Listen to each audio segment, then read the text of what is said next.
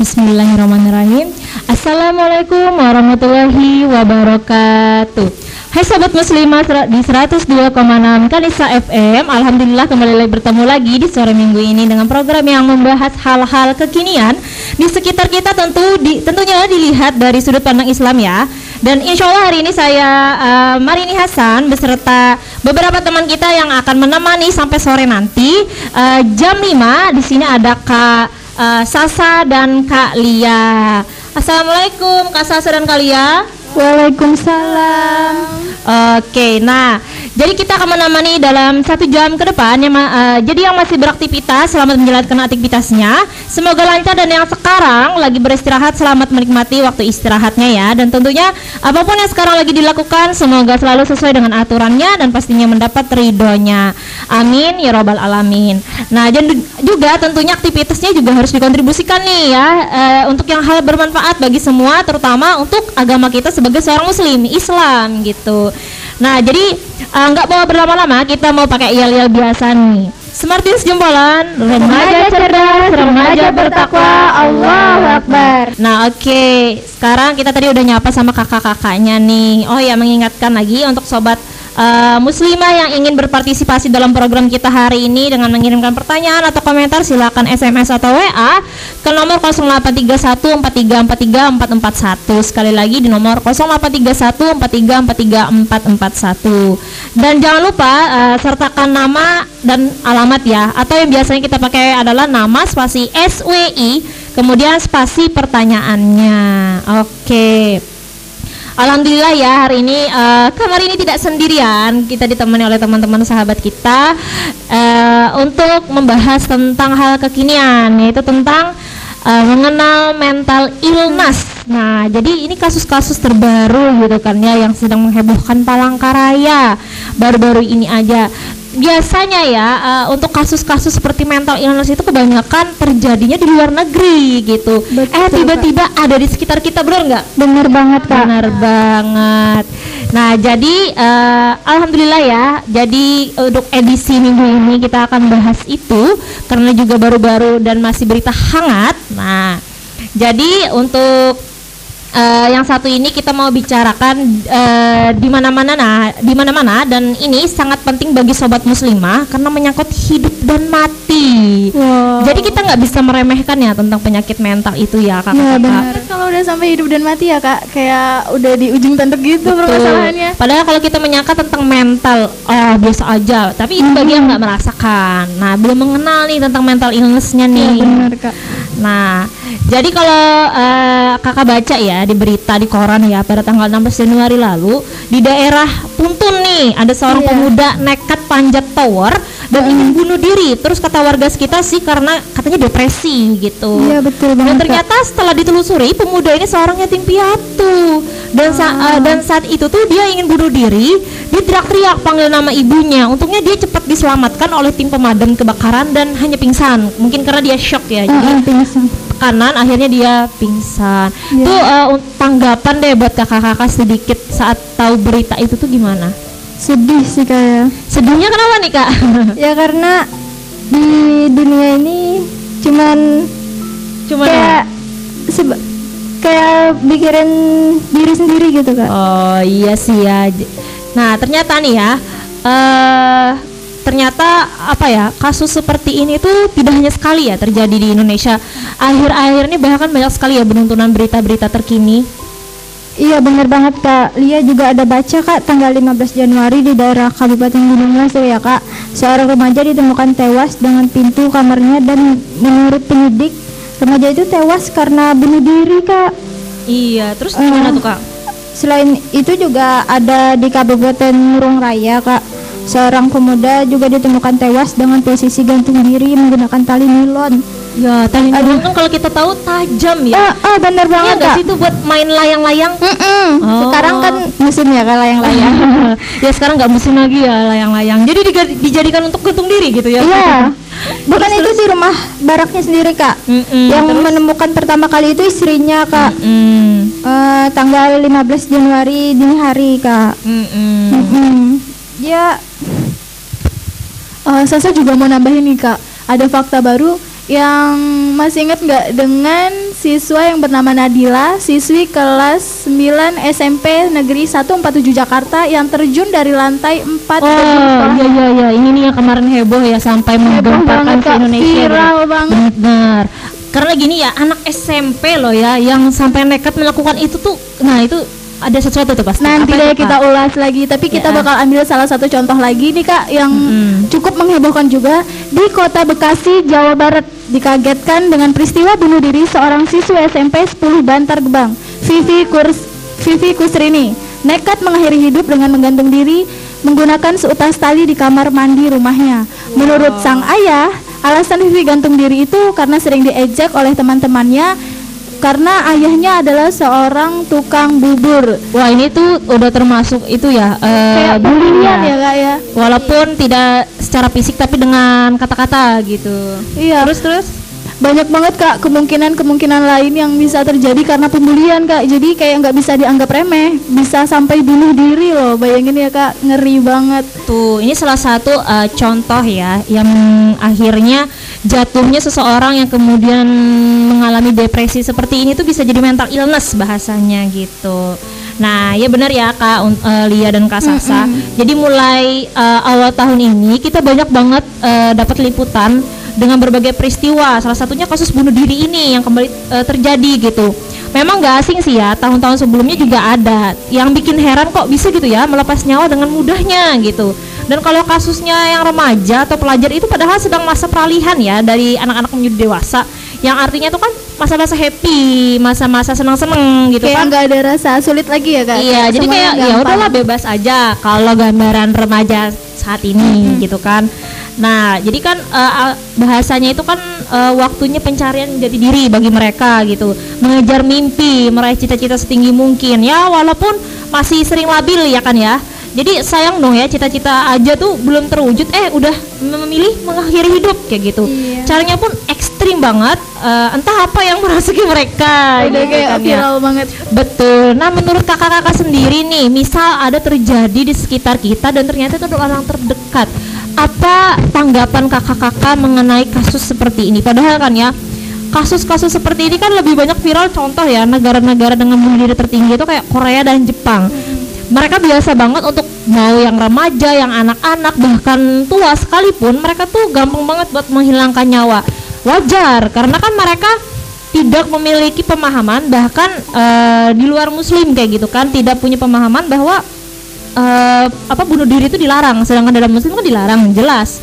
Nggak heran negara seperti mereka negara yang liberalisme itu bisa memilih itu. Tuh apa tanggapan teman-teman tuh Kayak menurut Lia sih itu karena kekurangan iman ya kak. iya nah salah satunya benar juga tuh ke akidah kita kurang dalam beragama gitu kak. Mm-mm. Karena kita kalau kita Islam ya kak, bunuh diri itu kan dosa yang dosa besar. besar betul Karena misalkan kita bunuh diri, kita kayak tidak memikirkan itu bahwa itu dosa akan besar. Ah, gitu kan ya, Ya, betul, betul, Kak. banget tuh buat teman-teman. Ini masih masih remaja masih ya maksudnya ya mencari penjatian diri kayak gitu kan. Mudah banget untuk mengakhiri itu.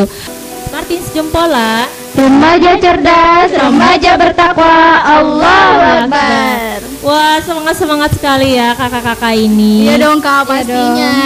Iya dong. Dan buat teman-teman juga yang eh, saat ini sedang mendengarkan siaran kita, semangat juga gitu kan untuk mendengarkan ilmu-ilmu dan eh, seputar berita kekinian yang pastinya dipandang secara Islam. Oke. Nah, dari fakta-fakta tadi nih, kalau menurut Lia dan Sasa sebagai seorang pelajar juga eh, sebagai seorang pelajar nih dan mungkin sama-sama merasakan bagaimana manis pahitnya jadi pelajar, apa sih penyebab banyaknya remaja yang depresi dan nekat eh, mengakhiri hidupnya? Ya kalau kita lihat dari fakta-fakta tadi mungkin bisa disimpulkan ya kak beberapa penyebab para remaja itu nekat bunuh diri.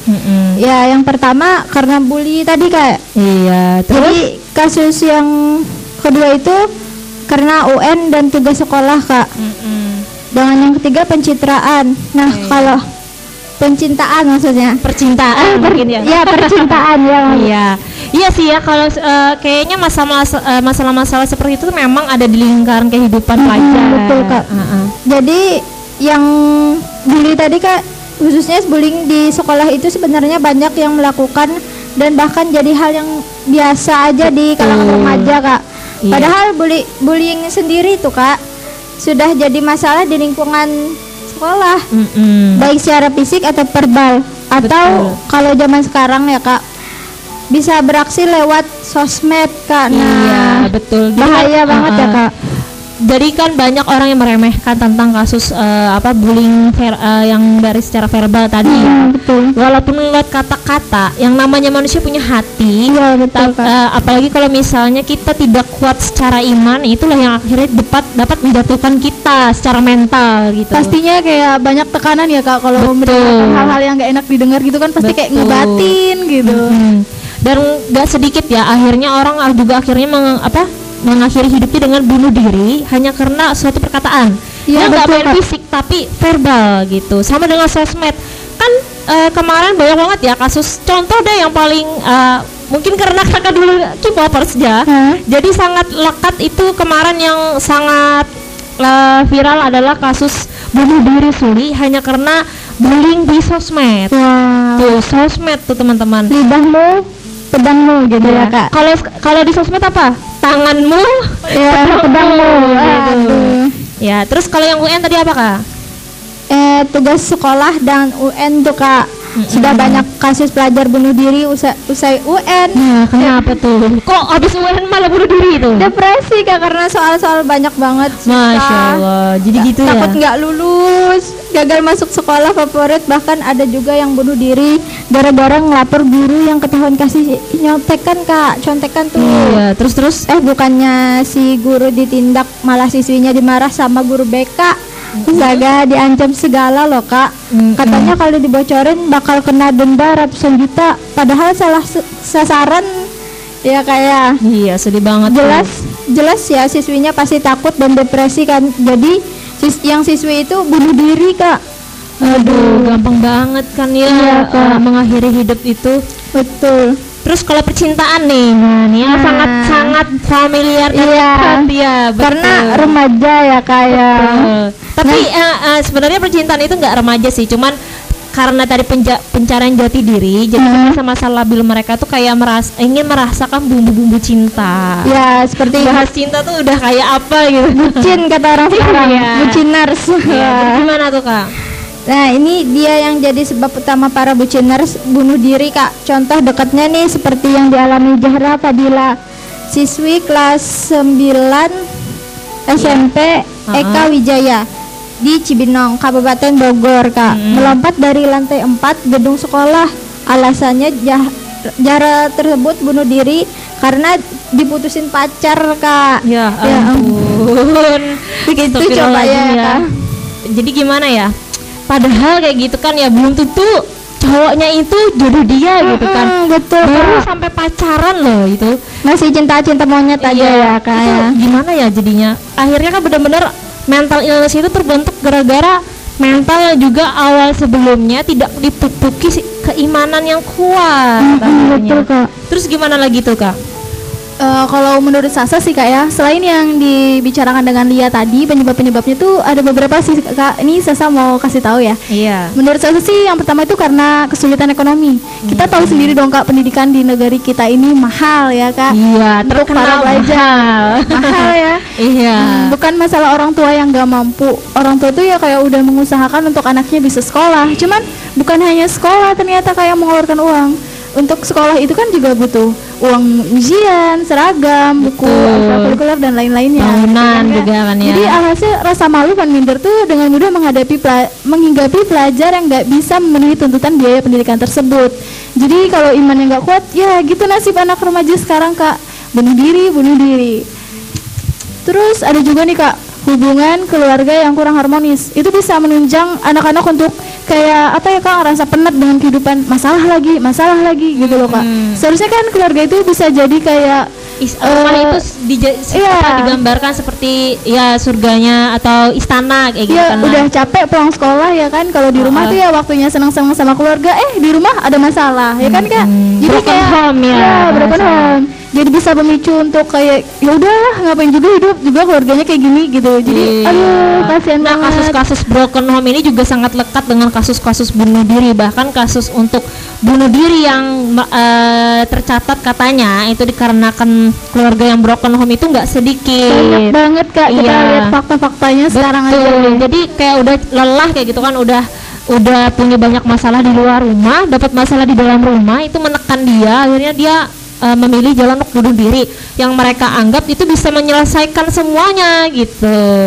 Iya kak yang contoh di Puntun tadi juga ka- katanya sih karena hutang juga kak terbelit Nah. hutang dan eh, orang tuanya kan eh, yatim piatu ya tadi ya kak Iya. ya karena itulah Iya, terus apa lagi nih? Terus nih kak ada juga ya eh, dampaknya dampak eh penyebabnya penyebabnya Iya. tuh yang terakhir nih ada dari dampak negatif pemberitaan media. Maksudnya Hmm. gini kak, eh, media massa itu kan baik cetak maupun elektronik itu juga ikut menyumbangkan dampak negatif karena anak-anak sekarang tuh belum punya filter Iya. untuk membentengin diri gitu loh kak. Ah, ah. Berita yang mana yang baik, yang mana yang buruk, yang mana gitu. Jadi kalau mereka dengar ya langsung dirangsang semua gitu dan Atau, tadi ya, ditelan bulat-bulat ya, Iya, gitu kan. ditelan-bulat. Ya wajar kan tadi kan eh, dibahas sebelumnya karena mereka itu kan lagi masa-masa pencarian jati diri sehingga pencarian mereka itu eh, dibat apa menimbulkan perasaan ingin mencicipi sehingga dapat informasi bisa ditelan bulat-bulat tanpa difilter dengan baik dulu gitu. Iya, benar banget kak. Iya, terus Seharusnya ya kak media itu kan menginspirasi, bukannya malah berbuat hal yang sama seperti kayak misalkan standar nilai yang dipakai buat media itu tuh nggak menentukan perbuatan baik atau benar baik atau salahnya, Mm-mm. sehingga opini di tengah masyarakat itu dibiarkan mengambang atau malah diarahkan untuk setuju atau diam terhadap Iya. kemaksiatan yang terjadi di depan mata. Jadi kayak Betul. seakan-akan kita disuruh milih kalau kamu setuju kamu bicara, kalau enggak ya udah diem aja gitu. iya Kak. kita kayak di eh, apa ditahan untuk tidak berpendapat ya gitu Ya kan ya. kalau iya benar banget kak. Terus Parahnya ya kak, di era kapitalis kayak gini standar nilai yang dipakai pihak media adalah rating tinggi dan membanjiri iklan kak.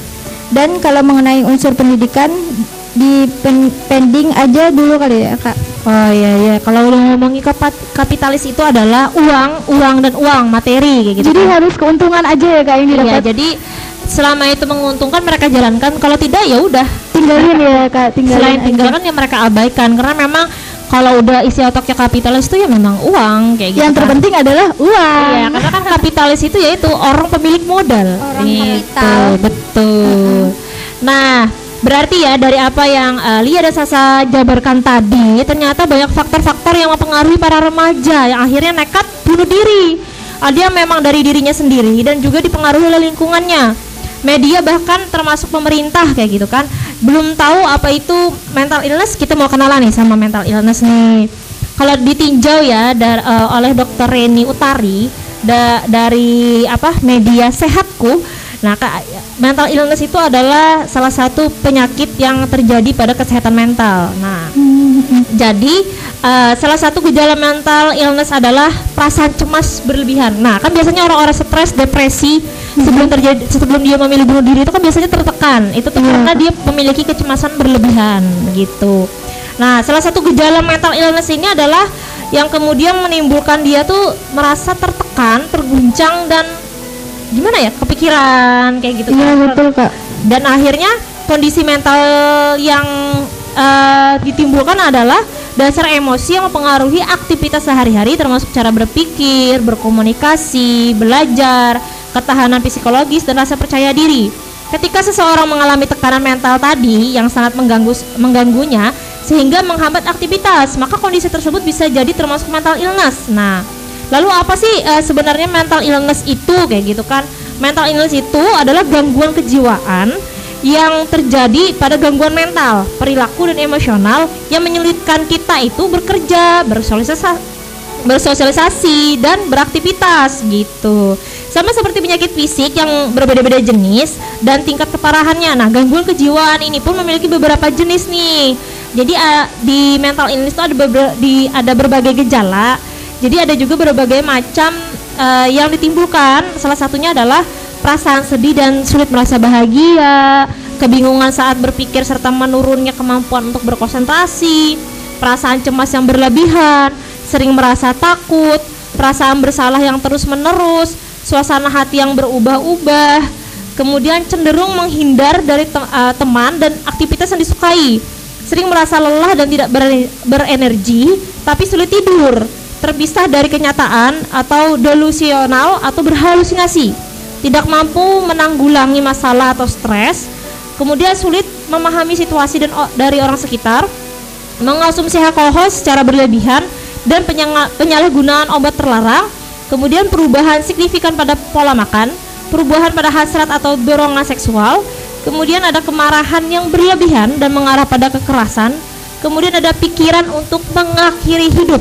Ketika semua itu terjadi, maka eh, banyak yang akhirnya memilih untuk mengakhiri hidup. Tuh.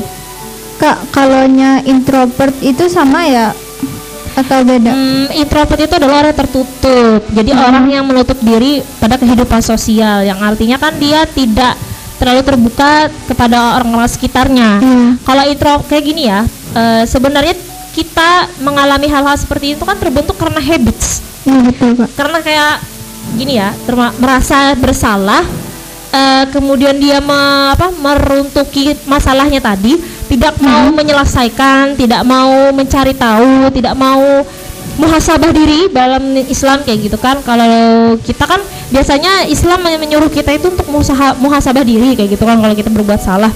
Tapi ketika orang itu tidak paham eh, dalam mengatasi masalah, dia tidak akan bisa bermuhasabah diri, dia malah menyalahi terus dirinya sehingga menekan dirinya sendiri. Jadi itu karena dia sendiri sebenarnya introvert itu, karena kebiasaan dia, habits dia yang membuat dia itu memang tidak bisa.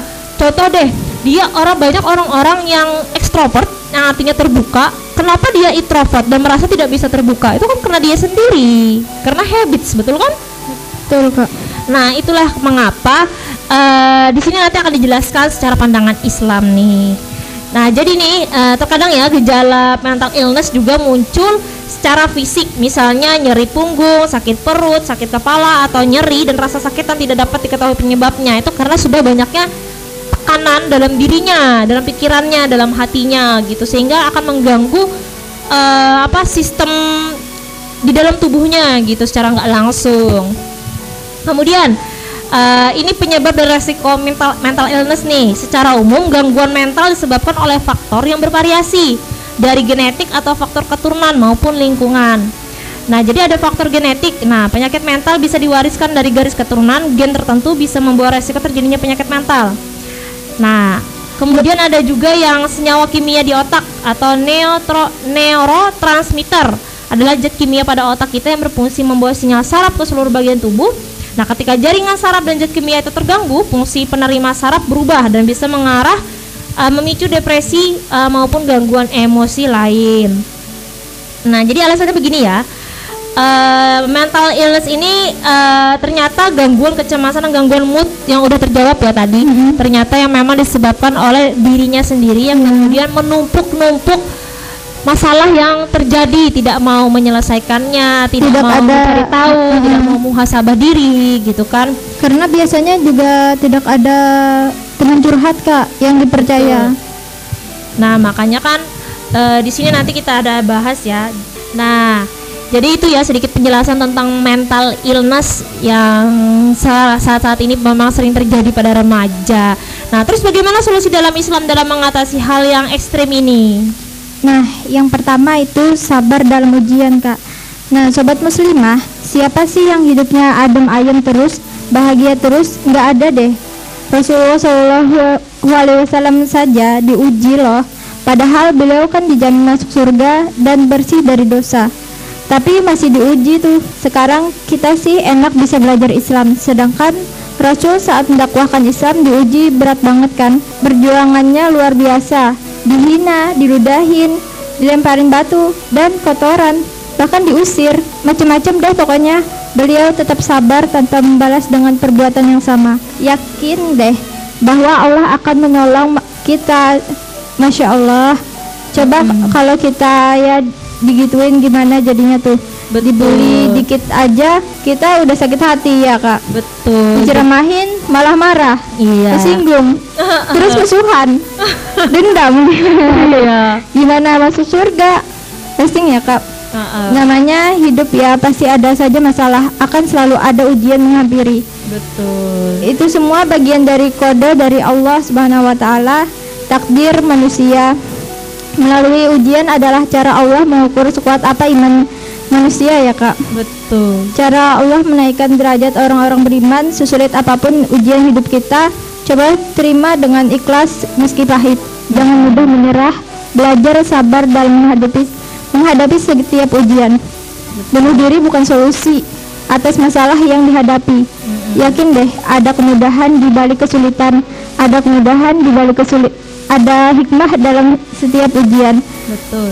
Allah Ta'ala berfirman di dalam Quran Surah Al-Insyirah Surah ke-94 ayat 5 Maka sesungguhnya bersama kesulitan ada kemudahan Kak Betul. Juga di dalam firman Allah Quran Surah Hud 115 Artinya dan bersabarlah karena sesungguhnya Allah tidak menyanyiakan pahala orang-orang yang berbuat baik Terus yang kedua kak, peran orang tua. Sobat muslimah, dalam menangani kasus bunuh diri yang dilakukan remaja memang perlu peran berbagai pihak, terutama orang tua yang wajib memberikan kasih sayang dan perhatian kepada anak-anaknya. Mereka seharusnya yang mengawasi, mendidik, dan mengarahkan kepada kebaikan. Mereka lah tempat belajar pertama bagi si anak, bukan sekolah. Banyak nih orang tua yang menyerahkan sepenuhnya pendidikan anaknya pada sekolah. Sementara mereka sibuk kerja, kerja, dan kerja. Saat anaknya bermasalah, sekolah yang harus disalahkan. Salah ini mah, sekolah itu tempat belajar yang selanjutnya setelah rumah. Anak yang di, anak yang sudah dididik dengan baik di rumahnya akan membawa pengaruh baik juga terhadap sekolah dan lingkungan tentunya, Kak. Mm-mm. Jadi, pendidikan sesuai Islam adalah jadi pendidikan sesuai Islam itu harus ditanamkan, Kak. Harus Pastinya dong Iya. Saat anak sedang mengalami masalah, orang tua harus peka dalam jadi tempat curhat bagi anaknya. Jangan biarkan dia menumpuk masalah sendiri. Dengarkan dan berikan solusi terbaik atas masalah yang dihadapinya. Bangunlah komunikasi yang baik dengan anak. Jangan biarkan dia mencari tempat lain untuk meluapkan emosinya. Insya Allah anak pun pasti senang jika orang tua respect kak. Yang ketiga perbaiki akidah, perkuat iman, bunuh diri di kalangan pelajar itu karena krisis iman akidahnya yang wajib diperbaiki. Tauhid harus dipelajari, dipahami dan diamalkan. Faktor penyebab seperti faktor di televisi yang mengarahkan kepada bunuh diri harus di stop kak. Mm-mm. Karena menyebabkan kayak menginspirasi, eh, memicu, memicu anak-anak muda sekarang untuk menyelesaikan masalah itu dengan bunuh diri. Iya betul kan karena eh, kalau kita lihat ya film-film sekarang itu sangat-sangat mengarah pada itu kan baru-baru ada film horor apa ya lupa ada judulnya iya itu apa apa, apa Ya, judulnya judulnya tuh aku tahu kapan kamu mati. Iya. Kayaknya baru-baru aja sih kak, beberapa hari yang lalu Ah, baru udah- keluar udah di bioskop. ditayang ya? Iya, udah dirilis kak. Dan kayaknya ramai banget yang nonton gitu Iya. ya. Kayak- Kok ada ya manusia yang tahu manusia lain mati gitu. Iya dan juga di, Ah. eh, di trailernya itu ada adegan bunuh diri. Iya, sampai lompat dari gedung gitu. Kayak nyaman banget bunuh diri gitu. Bahkan eh, film-film di luar negeri juga banyak banget kasus-kasus seperti eh, yang memicu film yang memang menceritakan sudut pandang seseorang yang introvert, orang-orang yang depresi yang akhirnya Mewajarkan bunuh mewajarkan diri. bunuh diri yang akhirnya dibikin happy endingnya tuh berasa seperti ini. Eh, dia tidak menyalahkan yang si bunuh diri, dia malah menyalahkan orang-orang sekitarnya yang tidak mau peduli dengan penyakit mental tadi yang terjadi pada si yang bunuh diri. Iya, bener kak. Padahal Banyak kan- banget tuh. Eh, akhirnya kan bingung nggak sih yang bunuh diri siapa? Yang disalahin siapa Iya, gitu karena kan eh itu tadi makanya kan kayak Rasulullah coba deh bayangkan kalau kalau Rasulullah itu hatinya hati kayak hati ki- apa manusia kita yang sekarang yang letoy gitu. ya dikit-dikit butuh Eh, dunia eh, dikit-dikit banget. tersinggung dikit-dikit pengennya bunuh diri ngakhirin hidup nggak sampai lah Islam ke kita kalau kita punya mental se- apa seperti itu kayak gitu Iya, kan. mental-mental illness. ya. betul makanya juga kan eh, film-film di media sosial itu sangat eh, memacu apa memicu maksudnya memicu kita untuk eh, memiliki perasaan yang lempeng gitu kan ya Betul kak, berita Iya. seputar bunuh diri juga harus dikurangi dan diberikan penjelasan agar tidak jadi inspirasi remaja lainnya kak. oh iya jadi eh, buat teman-teman mau dengar pembahasan selanjutnya nih kita udah sampai pembahasan kepada pandangan Islam kakak-kakak yang udah menjabarkan berita tentang kasus-kasus terbaru yang ternyata sangat-sangat eh, banyak ya bahkan meningkat untuk kasus bunuh diri dikarenakan mental illness nah dan juga akhirnya banyak artikel yang eh, merilis bahwa eh, itulah kenapa banyak yang tabu dengan mental illness dan selain itu juga sih sebenarnya ada di media-media salah satunya adalah drama, film yang juga menggambarkan tentang orang-orang yang kemudian mengalami mental illness. Sebenarnya bagus untuk eh, artikel-artikel yang kemudian dikeluarkan, kemudian film-film itu sehingga kita orang awam itu dek- eh, kenal dan dekat eh, dengan hal-hal seperti mental illness tadi kayak gitu. Ya banyak dari kita yang mungkin tidak mengalami akhirnya beranggapan remeh tentang mental illness. Tapi kita tidak juga kemudian meruntukin itu gitu karena Islam punya solusi. Islam itu punya cara untuk bisa bangkit kembali ketika mengalami hal tersebut gitu. Oh nih kak, Sasa mau mewakili teman-teman di luar sana pasti banyak dong yang penasaran dan bertanya-tanya. Iya. Sebenarnya eh, Islam itu gimana sih cara pandangnya untuk masalah-masalah bunuh diri, mental illness kayak gini? Pasti ada dong penyelesaiannya gitu kak. Eh, Ada. dijabarin dong kak, biar yang lain teman-temannya juga tahu. Kasih ya. Bunuh diri gitu kan. Ya jelas ya di dalam Islam eh, Allah melaknat orang yang bunuh diri gitu kan. Karena untuk diri kita aja nih misalnya kita tidak memenuhi hajatul udawiyah dengan benar itu saja sudah menimbulkan dosa yang artinya bisa menzolimi diri sendiri. Nah kalau misalnya kasus kasus bunuh diri kan jelas ya itu mengakhiri hidup yang akhirnya eh, apa menyiksa, lebih daripada menyiksa diri sendiri. Jadi itu dosa besar dan hukumannya ya neraka jahanam gitu kemudian nah jadi kayak misalnya juga eh, apa tadi pertanyaannya? Kasus bagaimana Islam menangani kasus mental illness Ya, kayak gitu kan benar. tadi sudah dijabarkan ya oleh Kak Lia ya kalau nggak salah. Itu tentang bagaimana eh, nabi-nabi kita para sahabat nabi kemudian para pejuang-pejuang Islam terdahulu yang kemudian dihadapkan pada ujian-ujian yang bahkan kita ini apa sih ujiannya seujung kuku jawa seujung kuku pun nggak sampai kayak gitu kan jadi kita layak lah kita itu sebenarnya meruntuki diri kita kayak itu seperti ini.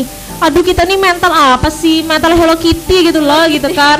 Dikit-dikit nangis, sedikit-dikit. iya. jadi ingat ya kata Ustadz Fuad Naim itu katanya eh, ada nggak sih para sahabat eh, Rasulullah dulu itu kalau habis dibunuh itu dia mandi ke kamar mandi biarin air shower membasahi dirinya terus nangis gitu. gitu ya, Kak. iya itu drama banget eh, drama queen banget. Atau kalau laki-laki apa drama king banget kayak gitu drama kan. king.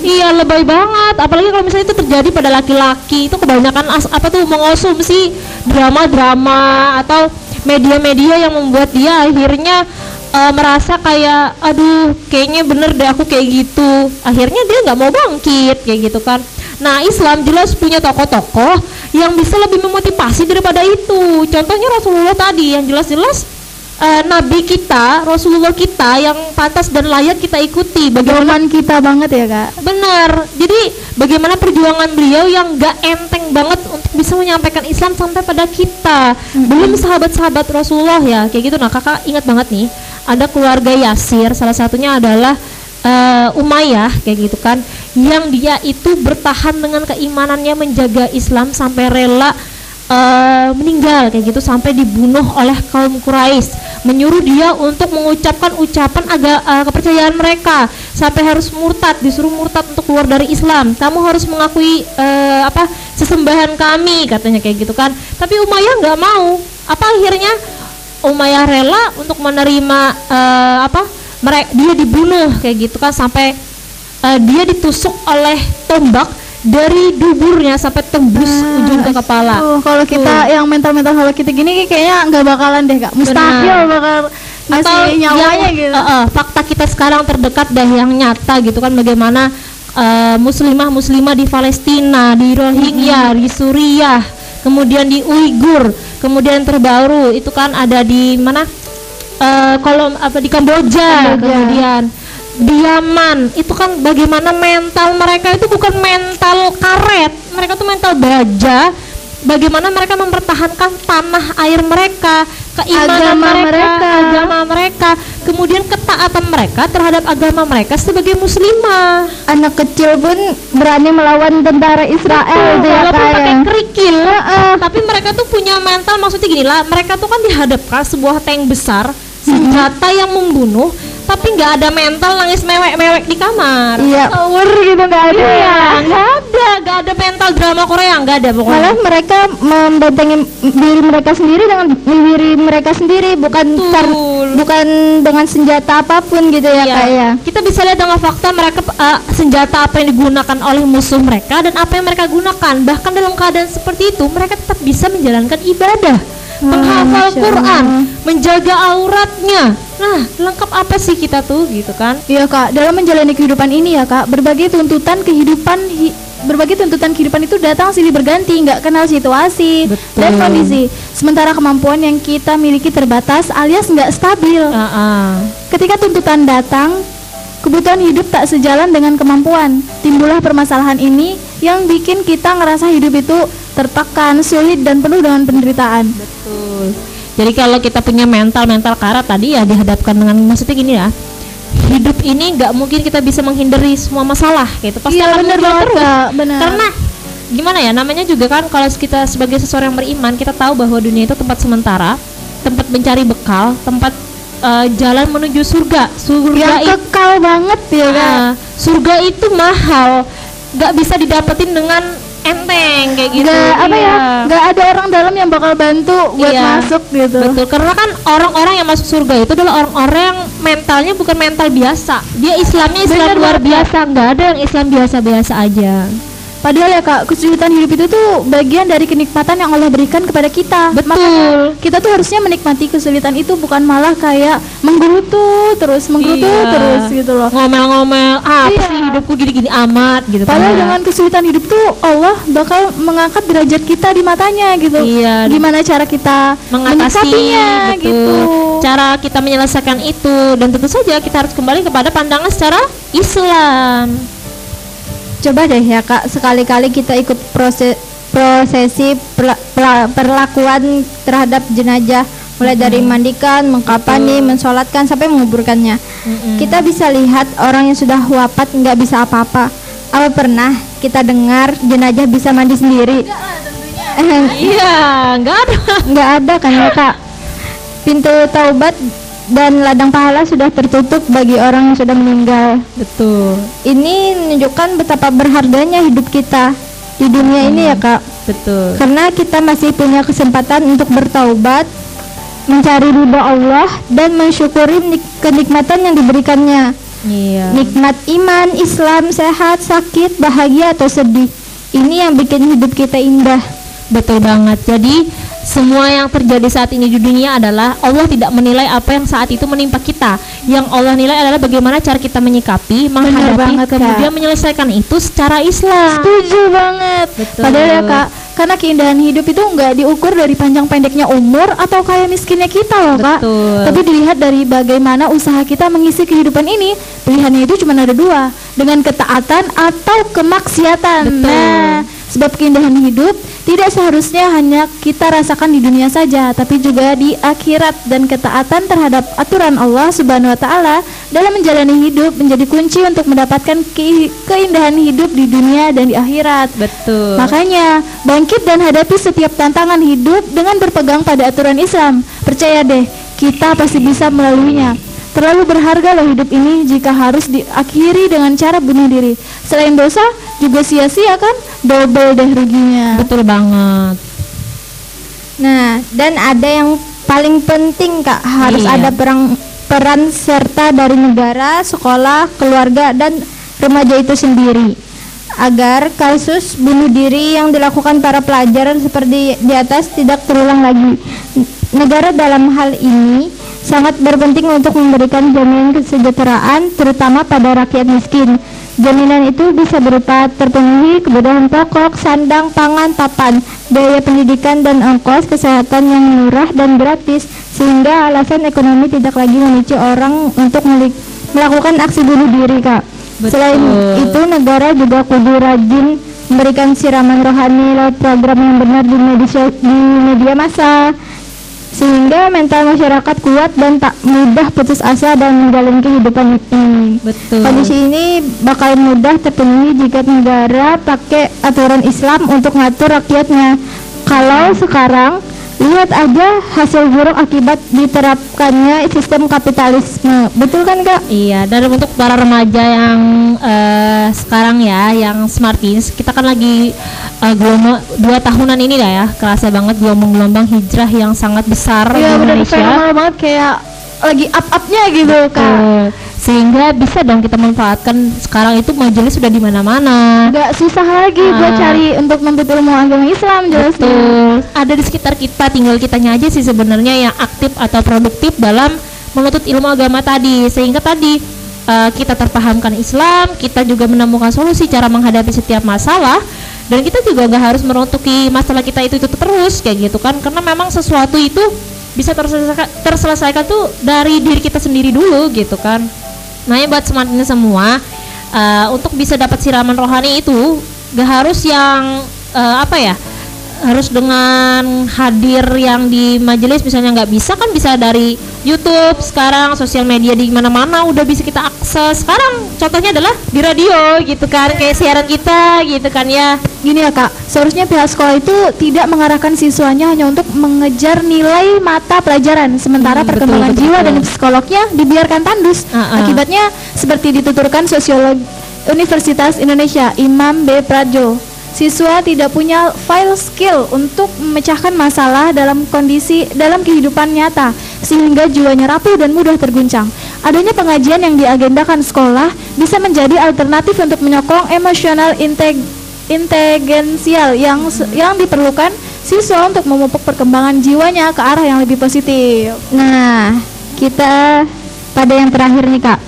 Mungkin teman remaja kurang mendapatkan dasar ilmu agama yang bisa memaksakan mereka untuk memu- selalu berpikir akan pahala dosa sebelum berbuat sesuatu. Padahal nih ya kak ilmu agama atau eh, ilmu agama Islam menjadi benteng terakhir yang dimiliki kita dalam menghadapi setiap masalah agar tidak salah jalan.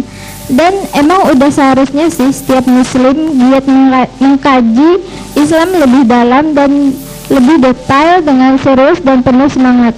Tujuannya apa sih? Untuk mendapatkan petunjuk hidup yang jelas dan benar sehingga dalam keadaan suka dan duka ia akan selalu ingat kepada Allah dan jalan keluar yang ditawarkan Islam. betul Nggak akan milih jalan lain yang belum jelas apalagi nggak benar. betul banget Sebab dengan memen- menempuh jalan yang benar, kita merasa tentram dan aman. Gak was-was lagi menjalani hidup yang penuh kejutan ini. Oke deh, daripada bunuh diri, mending bunuh tuh rasa malas yang bersarang dalam diri kita. Pas Betul. mau ikut pengajian tuh, bunuh Iya. aja. jangan jadi apa ya eh, manusia yang suka megeran atau apa kaum rebahan Iya, Tuh. sekarang kan lagi marak banget kaum rebahan. Iya, jadi rasanya kita pantas untuk mikir seribu kali dan nggak bakalan nekat bunuh diri kalau udah ingat konsekuensi kita sebagai seseorang beriman, apalagi muslim. Bunuh diri itu adalah sangat perbuatan yang sangat dilaknat oleh Allah. Sebab bunuh diri itu jelas-jelas ya sangat dilarang dalam agama Islam kayak gitu kan. Nah, seperti dalam salah satu ayat di Al-Qur'an ya, dan janganlah kamu membunuh dirimu, sesungguhnya Allah adalah Maha Penyayang kepadamu. Itu ada di Quran surah An-Nisa surah keempat di ayat 29. Rasulullah SAW eh, juga bersabda, barang siapa yang mencekik lehernya, ia akan mencekik lehernya sendiri nanti di neraka. Dan barang siapa yang menusuk dirinya, ia akan menusuk dirinya sendiri di neraka. Hadis riwayat Bukhari dan Muslim. Jadi jelas ya, yang bunuh diri dengan cara-cara yang eh, macam-macam itu akan dia akan mengulangi perbuatannya itu selama seumur hidupnya nanti di neraka seperti itu. Wow, Tuh. panasnya neraka Sudah, itu. sudah nanti di- eh, kekal di neraka, neraka jahanam dan dia mengulang perbuatan di- dia yang bunuh diri tadi di situ. Berulang-ulang ya ampun sekali aja Iya, kayaknya jadi nggak kalau bisa dia mati ya hidup Kak. lagi, mati hidup lagi. Jadi dia akan Oh, merasakan ya kesakitan itu ampun. selama double double double. Nah, Sehari di neraka aja 5000 tahun di dunia. Iya, ini kekal. Sekal Itu Allah kekal. Akbar. Nah, sobat, bunuh diri bukan saja tentang eh, uh, hal konyol ya, tapi jelas berdosa. Depresi dan bunuh diri hanya dilakukan oleh orang-orang yang enggak memiliki iman atau setidaknya memiliki iman tapi nggak berfungsi untuk mencegah dirinya dari berbuat dari perbuatan nista. Padahal manusia yang masih hidup pasti banyak ujian dalam kehidupannya dan sering perih. Nah, namun bila kita beriman, tetap sabar, tetap berusaha dan tawakal, insya Allah ada jalan keluarnya. Jangan berputus asa dari rahmat Allah Subhanahu wa taala, tetap semangat untuk menaga, uh, menggapai ridhonya dan rahmat Allah meski hidup itu sulit. Kita punya Allah, ya kan Kak? Kita Betul. punya yang maha besar. Masalah kamu besar, ada yang lebih besar lagi. Betul. Siapa? Allah Subhanahu wa taala. Iya, jadi jangan pernah berkecil hati, jangan pernah berputus asa bahwa kita itu nggak sendiri. Ada Allah dan para malaikat yang jika kita uh, selalu berdoa ada akan malaikat yang juga ikut dalam berdoa kita. Iya kak, gitu. Sesa ingat sih ada eh, di dalam Al-Quran ya eh, yang bilang sebesar apa pun kebaik s- kebaikan sebesar biji zarah pun akan diperhitungkan. Begitu juga sebaliknya gitu kak. Jadi Iya. nggak akan ada yang sia-sia di dunia ini. Benar nggak jadi kak? kan uh, jadi kan hidup kita tuh lebih bermakna dengan uh, berjalan di jalan Islam gitu sehingga setitik apa pun perbuatan kita dan it- jika perbuatan itu sesuai dengan ajaran kita sebagai seorang muslim itu akan ada nilai mata Allah. Iya benar banget. Masya Allah banget kan ya Islam itu luar biasa rahmatan lil alamin Sempurna sempurna. banget. Nah, dan kita udah cukup dewasa untuk menjadikan hidup ini tuh lebih berarti sebab hidup gak cuma sekali. Ada kehidupan kedua di akhirat nanti dan belajarlah terus tentang Islam menjadi pilihan terbaik dalam mengisi masa muda kita. Jadi tunggu apa lagi? Yuk belajar Islam secara kafah gabung di komunitas-komunitas di kota kalian untuk eh, belajar Islam kemudian dan bergaul dengan orang-orang saleh. Oke, nggak kerasa ya kita Kita udah udah di ujung acara nih Betul, udah kak. satu jam menemani ruang sobat uh, Smart ini semua di program Smart with Islam. Semoga apa yang kita omongin dari tadi tuh bermanfaat ya kak untuk teman-teman di luar sana. Dan jangan hanya sekedar sampai di sini, bisa dong di share. Iya benar banget. Iya. Ambil tindakan setelah ini Betul, gitu. share di sosial media, share ke teman-teman sekitarnya, orang-orang di rumah, orang-orang terdekat pokoknya. Ajak semua buat dengerin Iya. siaran kita lagi lain waktu. Betul, kita akan kembali lagi di minggu depan di Ahad seperti biasa jam 4 sore di Kanisa di 102,6 MHz. Jadi untuk kita-kita mohon maaf jika ada kata-kata yang menyinggung, kata-kata yang salah dan kekhilafan yang kita nggak sengaja yang kita lakukan karena kesempurnaan hanya milik Allah dan jika ada kebaikan yang kita sampaikan Datangnya itu cuma dari Allah Subhanahu wa taala. Dan jika itu adalah kesalahan itu adalah berasal memang kita dari manusia yang dari tidak manusia. sempurna. Oke sahabat semua, jangan lupa untuk saksikan lagi siaran kita, dengarkan kita di eh, Kanisa dan untuk akhir kata wassalamualaikum warahmatullahi wabarakatuh.